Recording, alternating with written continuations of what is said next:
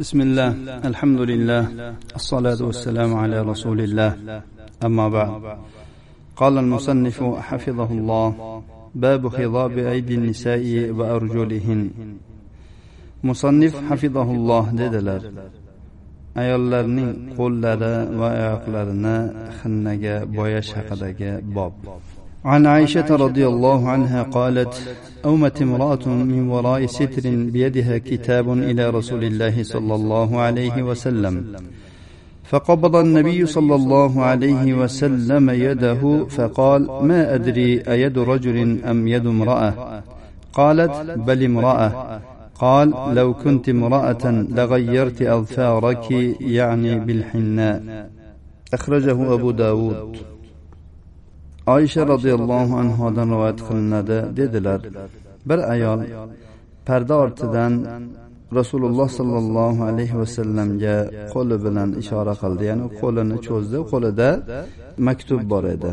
nabiy sollallohu alayhi vasallam qo'llarini tortib oldilar. va aytdilarki bilmayman bu erkak kishini qo'limi yoki ayol kishini qo'limi?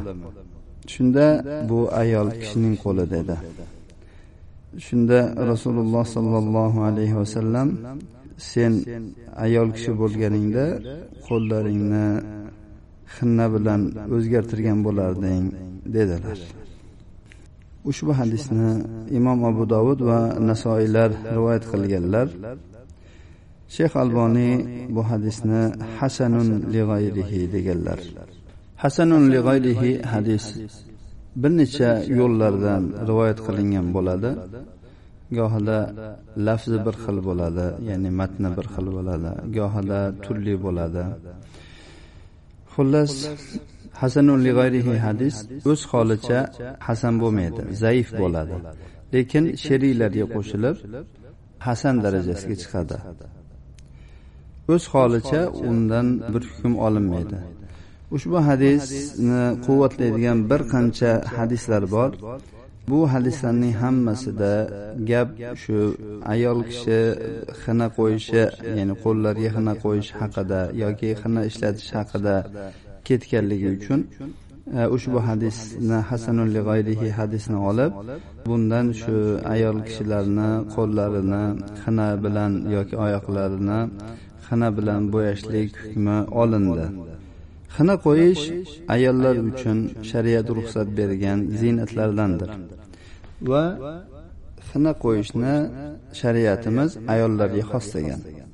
Shuning uchun ham qo'l oyoqlarini xinaga bo'yagan erkaklar o'zlarini ayollarga o'xshatgan bo'lib qolishadi. Va bunday kishilarga xotinchalish yoki muhannas xunasa deyiladi. Erkaklar zarurat holatida davolanish uchun xina ishlatishlari mumkin xinaga masalan oyoqlarini yoki qo'llarini xinaga bo'yashlari mumkin.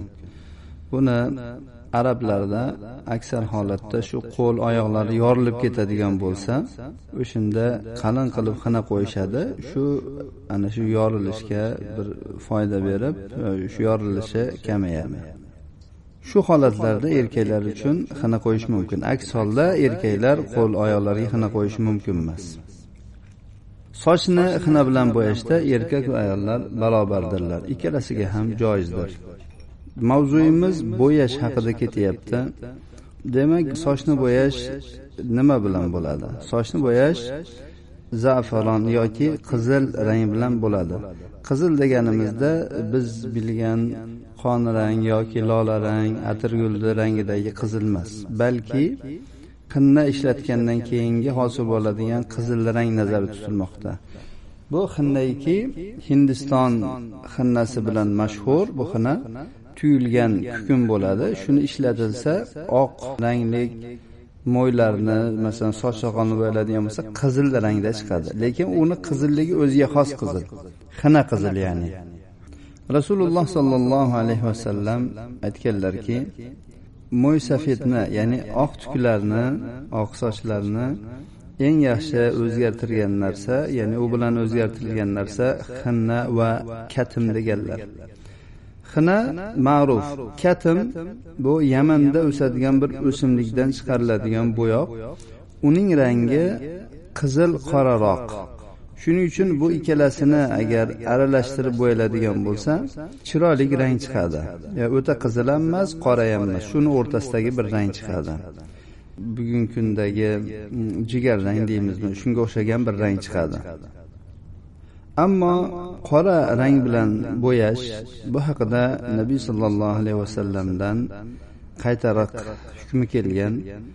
Rasululloh sollallohu alayhi vasallamning huzurlariga abu bakr roziyallohu anhuning otalari olib kelinganda uning soch soqoli o'ta oqarib ketganligidan biror dona bir qora mo'yi qolmagandi. Shuning uchun ham rasululloh sollallohu alayhi vasallam uni shu soch soqolini rangini o'zgartiringlar bo'yab qo'yinglar deganlarida qoradan chetlaninglar qora rang ishlatmanglar deganlar.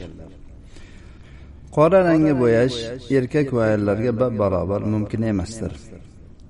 Imom navoiy aytganlarki bizning mazhabimiz erkaklar uchun ayollar uchun oq sochlarni zafaron yoki qizil rangga bo'yashlikning mustahabligidir.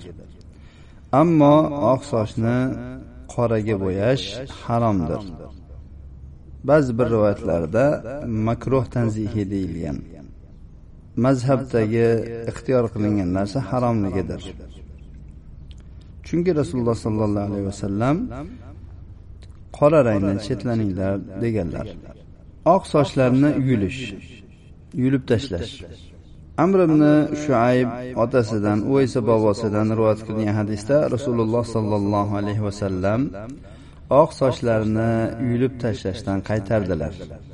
Anas ibn molik roziyallohu anhu aytadilarki kishi oq sochini boshidan bo'lsin soqolidan bo'lsin yulib tashlashligi makruhdir. Rasululloh sollallohu alayhi vasallam aytganlar oq sochni yulmanglar. Qaysi bir musulmon islomda soch soqoli oqaladigan bo'lsa u uchun bu uning soch soqolining oqarishi qiyomat kunida nur bo'ladi deganlar. Boshqa bir rivoyatda esa alloh subhanava taolo u uchun har bir oq soch tolasi uchun bir hasana yozadi va undan bir gunohni o'chiradi deganlar. Ayol kishi ham sochidagi oqlarni yulishi mumkin emas. Balki uning haqqida ham ya'ni erkaklar kabi oq sochlarni yengishlik uchun sochni xinnaga bo'yash imkoniyati bordir. Ibn arabiy rahimaulloh oqsochni sochni qaytarilgan lekin bo'yashdan qaytarilmaganligi haqidagi illatni bayon qilib aytadilar. Holbuki bu har ikkisida alloh taoloning xilqatni o'zgartirish bor yulib tashlashda ham rangni o'zgartirishda ham. Aytadilarki sochni bo'yashni qo'yib faqat e, yulib tashlashlikdan qaytarildi. Chunki yulib tashlashlikda xilqatni tag tugidan o'zgartirish bordir.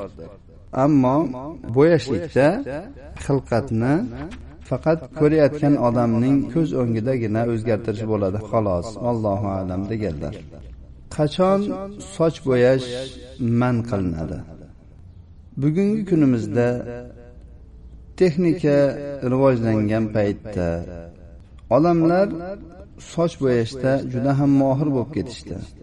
Bu shu darajaga yetib bordiki bo'yalgan soch bu haqiqatda o'sha sochni rangimi yoki u bo'yalgan bo'yoqmi buni farqi borilmaydigan bo'lib qolindi.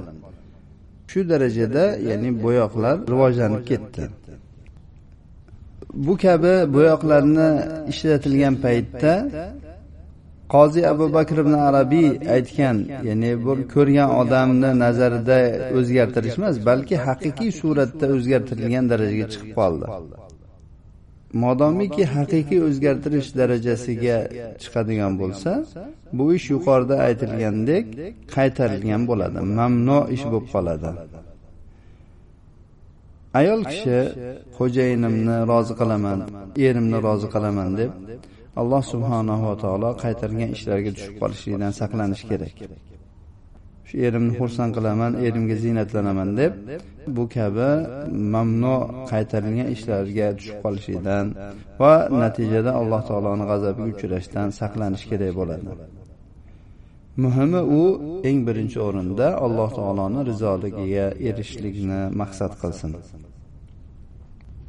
Hozirgina aytib o'tganimizdek ayollarning shu zeb ziynatga orastalikka bo'lgan qattiq xohishlarini bilgan savdogarlar yoki ixtirochilar.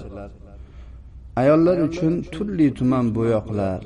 Bu endi bu bo'yoqlar lab bo'yog'i bo'lsin yuzniki bo'lsin tirnoqlarniki bo'lsin sochniki bo'lsin balki badan ranglarini o'zgartiradigan bo'yoqlar. Butun turli bo'yoqlarni ixtiro qilib o'ylab chiqishib ya'ni bozorni to'ldirishdi. Chunki buning orqasidan ular juda ham ko'p juda ham katta boyliklar orttirishmoqda. Endi ayol kishi shu erini oldida bir chiroyli bo'laman deb o'zini eriga chiroyli ko'rsataman deb.